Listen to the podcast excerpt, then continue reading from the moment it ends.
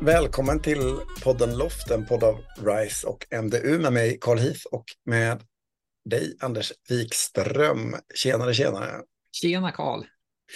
Eh, det här är ju en podd eh, som är en del i en masterclass, en utbildning för ledare i vårt kommunledningspartnerskap Loft, eh, leda och organisera för förnyelse och transformation. Och i den här serien av poddavsnitt så eh, jobbar vi för att öka förmåga och kunskap och insikt kopplat till innovationsledningssystemets olika element och principer eh, för att öka vår förmåga.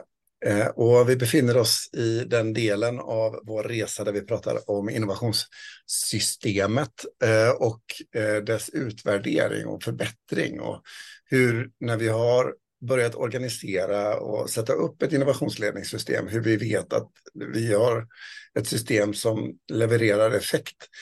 Och, och, och det, dagens avsnitt specifikt tänker jag vi ska prata lite grann om det här med att organisera vårt utvärderingsarbete och liksom hur vi ska tänka om att bygga något som kan hindra, stödja oss och eh, identifiera hinder och titta lite grann på de här olika eh, delarna av eh, systemet och hur vi kan resonera kring det. Men mm. ska vi börja någonstans Anders så tänker jag att eh, när vi pratar om att utvärdera innovationssystem eh, så handlar det ju om, som vi har varit inne på i tidigare avsnitt, om att utvärdera på systemnivån och själva systemets förmåga till innovation. Eh, och vi har pratat om att vi behöver ha mättal och indikatorer och att vi behöver hitta en balans mellan att eh, jobba med eh, att eh, kunna förstå själva processerna och att förstå utfallet. Mm. Eh, men ska vi börja någonstans för att bena i detta lite grann med själva organiseringen av ett sånt här system. Jag tänker spontant att det blir väldigt lätt hänt att tänka att så här, men då behöver jag göra A, B, C och D och jag behöver bygga det här utvärderingssystemet. Det behöver vara en gäng personer som jobbar med det och vi ska göra alla de här sakerna. Och så blir man lite matt för att det är ganska mycket liksom. Eh, måste det vara så? Och olika kommuner och offentliga verksamheter har ju väldigt olika förutsättningar att ta sig an det här med att bygga förmåga till organisator, organisationens utvärdering av ett innovationsledningssystem. Så, så vad, liksom, hur ska man tänka här för att göra något som faktiskt blir bra?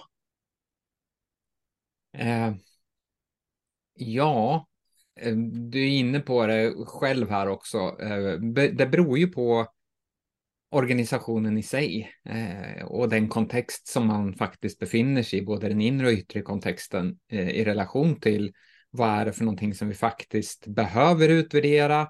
Vad är det för någonting som vi behöver se till att vi får att fungera på ett effektivt och ett bra sätt i vår organisation? Men eh, alltså... Storleksordningen, ja precis, jag kommer till den nu. Storleksordningen, behövs det mycket grejer eller går det med, med små grejer? Jag tänker på den behovsinventering som vi har genomfört hos våra partnerkommuner. Eh, det är eh, någonstans mellan 8 och 16 intervjuer som vi har gjort. Eh, varje intervju har varit runt en halvtimme lång med ett antal frågeställningar och det ger faktiskt en ganska god bild utöver den förmågan som organisationen har och den mognad som vi har kopplat till eh, systematisk innovationsledning. Så att och det är väl någonstans den, kanske den minsta delen som man kan ha i, i relation till att utvärdera. Eh, sen kommer ju förbättringsarbetet uppe på det då, och det jobbar vi ju med med olika verktyg och metoder inom partnerskapet då, som vi också tillgängliggör eh, bredare på partnerskapet loft.se.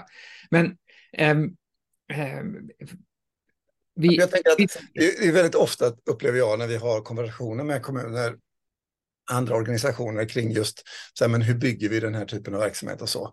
Det är att man väldigt gärna vill ha en checklista. Men ge mig en checklista med åtta punkter på hur jag ska göra och så kan jag bocka av det och så har vi ett system så kan vi bara köra. Men mm. det du säger nu är att den listan finns inte. Det är det jag hör dig alltså, säga. Ja, ja den, egentligen finns den väl inte för att den är så, så mycket kontextberoende. Då.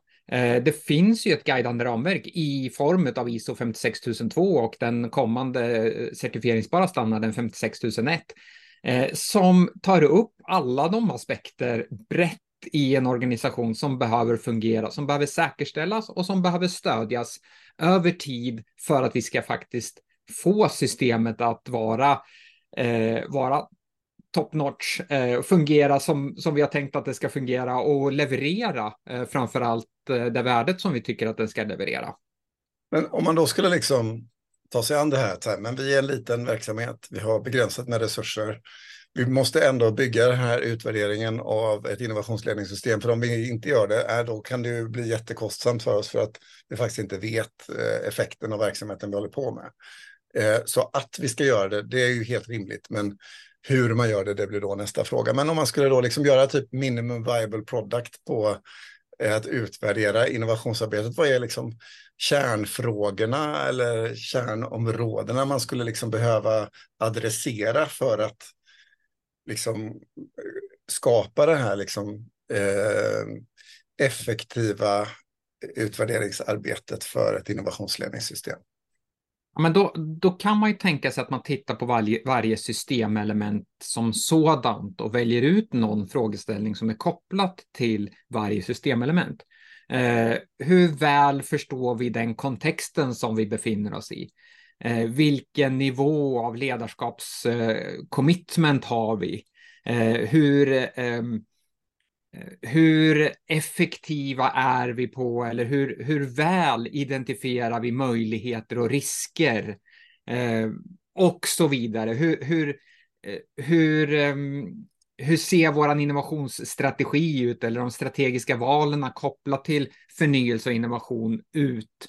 Eh, så det finns en massa saker som man kan liksom titta på i det lilla också. Det behöver inte vara en stor genomlysning över, eh, över eh, som involverar många människor och, och, är heltäckande när vi drar igång arbetet tycker jag, utan välj ut dem där ni ser att det antingen finns skav, där ni ser att det finns eh, behovet av att länka eh, elementen, delarna till varandra på ett tydligare sätt. Och där börja med att eh, utvärdera och förbättra. Hitta de här Ehm, eh, eh, enkla sätten att ta det första steget. Plocka de tillgängliga frukterna i, i äppelträdet och päronträdet. Liksom. Jag tänker att här är ju liksom några sådana där grundläggande frågor handlar ju väldigt mycket, tror jag, liksom att man, just att inte göra det så avancerat. Liksom att, eh, titta på, vi har ju också tidigare varit inne på det, att innovationsledningssystemet går också att beskriva som en, Eh, ett flöde där vi har en input, det kommer in eh, innovationsinitiativ, eh, de eh, hamnar i vår innovationsportfölj eh, och eh, liksom utvecklas. Antingen så väljer man att avveckla initiativen för att de inte bär frukt. Eller så tar man dem vidare och, och, och eh, ger någon form av resultat. Och att då titta på de här olika delarna utifrån det du beskriver, att så här, hitta liksom några väldigt enkla frågeställningar eller liksom enkla förhållningssätt för att just kunna titta på respektive sån här del. Att det skulle kunna vara ett sätt och att kanske också liksom, ja, men vara i några sådana här ganska eh, enkla frågor som till exempel liksom, om vi pratar om input, så här, när vi drar igång och accelererar upp våra innovationsinitiativ. Eh, liksom, vad är det som gör att ett initiativ börjar? Vad är det som hindrar våra kollegor från att faktiskt komma igång? Så här, det är mm. ju en, där har vi ju en fråga. Liksom. Och motsvarande sätt då när de väl är igång. Liksom. Vad är det som... Finns det några gemensamma nämnare i de initiativ vi har som gör att de eh, är mer framgångsrika än andra i vår organisation? Mm. Finns det några saker som händer i våra initiativ allmänt som gör att de eh, fallerar. Vad är det? Hur kan vi stötta upp den processen? Och att, så att säga, jobba med den typen av frågeställningar i arbetet. Men, och att hitta ett antal sådana liksom centrala frågor för att, så att säga, kunna förstå förutsättningarna i systemet skulle kunna vara liksom en, eh, ett enkelt sätt att börja på. Liksom. Men återigen då, det förutsätter ju att det finns en aktör som jobbar med detta. Eh, det kommer man ju inte ifrån. Alltså någon behöver ha ansvaret i organisationen för att jobba med den här typen av utvärderings utvärderingsarbete oavsett var de befinner sig och så vidare. Och, och insikt och förmåga och kunskap att kunna utföra det arbetet. Ja, och, och precis så det, behö, det, behövs ju finnas en innovationsledare helt enkelt, tänker jag, mm. i organisationen. Någon som förstår vad det är beställning som vi faktiskt ska lägga på mm. just eh, utvärdering och förbättringsanalysen och eh, aktiviteterna. Eh, men jag, jag, tänker också, jag kom på en sak när, när, du, när du berättar det här med, med liksom processen och flödet och, och vad vi har för någonting som, eh, som vi kan indikera eh, eller mäta där. Jag gjorde för några år sedan ett sådant eh, projekt tillsammans med några av våra stora organisationer där vi, där vi tittade och gjorde retrospektiv på eh, på både framgångsrika och mindre framgångsrika eh, projekt, innovationsprojekt. Eh, och där vi genomförde genomlysningen på initiativnivå då, eh, vilket blir spännande med eh, en specifik metodik. Men det som var viktigt var frågorna som vi ställde i det här. Så att det är, det är centralt där du tar upp, Karl. Vilka är frågorna som vi behöver ha svar på för att eh, få reda på vad det är för någonting som hindrar oss och vad det är för någonting som möjliggör att vi eh, och som stödjer vårt innovationsarbete i organisationen du nämnde för några avsnitt sedan eh, det här med PDSA-metoden för det mm. kontinuerliga arbetet. Kommer, det känns som att det kommer in i det här sammanhanget. Bara friska upp minnet på vad det här var för någonting och liksom om hur det här kommer in i arbetet här. Ja, men precis. PDSA eller PDCA, det eh, finns lite olika begrepp eh, runt den, men PDSA står ju för Eh, plan, Do, eh, Study, Act. Det vill säga att vi planerar vad det är för någonting som vi ska göra. Vi gör det vi eh, har sagt att vi ska göra.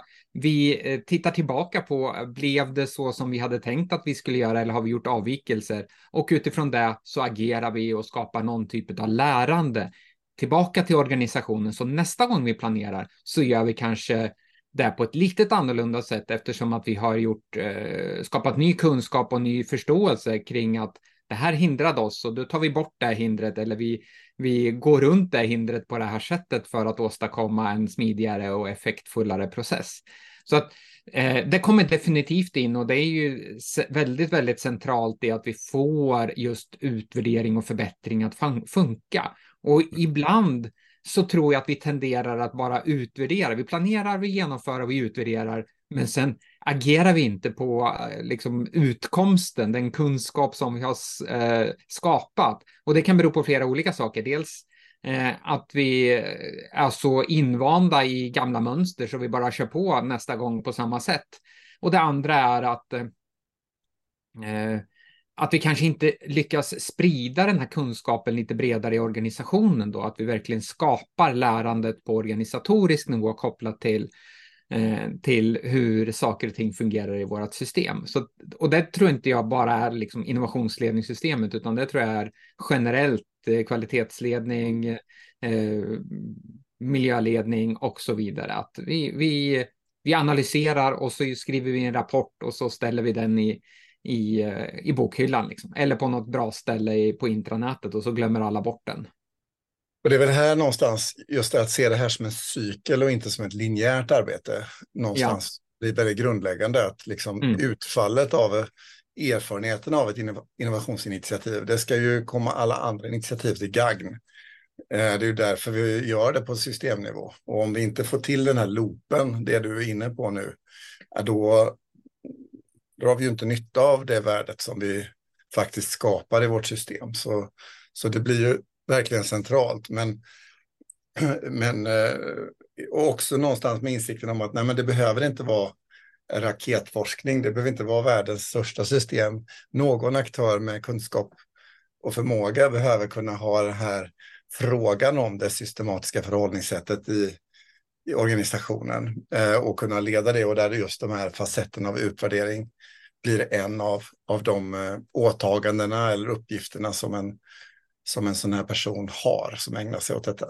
Ja, men precis. Och jag tror också att vårat, det vi har varit inne på eh, tidigare i, i avsnitt om med planering och hur vi bygger våra portföljer av olika typer av initiativ och hur vi följer upp i portföljen också skapar förutsättningar eh, för att just arbeta med både utvärdering men framför allt med förbättring när vi lägger in nya eh, nya initiativ i vår portfölj så tittar vi på eh, övriga initiativ som vi har där och så tänker vi okej, okay, det här påminner lite om det där. Vad hade vi för lärdomar mm. när vi drog igång det? Och så tittar man på de lärdomarna och så kan man eh, mm. vara mer effektfull när man faktiskt genomför eh, processen. Då. Så att, eh, det finns olika verktyg som vi har gått igenom eh, i de olika avsnitten i podden eh, som belyser just eh, utvärdering, förbättring på lite olika sätt och som möjliggör att vi faktiskt tar eh, tar eh, ansvar, kanske inte rätt ord, men att vi faktiskt implementerar de, de lärdomarna som vi faktiskt gör kopplat till respektive del också. Jag tror att det där blir ett bra ställe att runda av det här samtalet på. Vi har i ett antal avsnitt nu berört detta med utvärdering, indikatorer, mätning eh, på systemnivå. Och nästa avsnitt eh, så rundar vi av hela det här området med att titta just på systemets dimensioner i ett lite bredare perspektiv. Men tills dess, Anders, får du ha det så bra. Ja, men detsamma, Karl. Hej! Hej!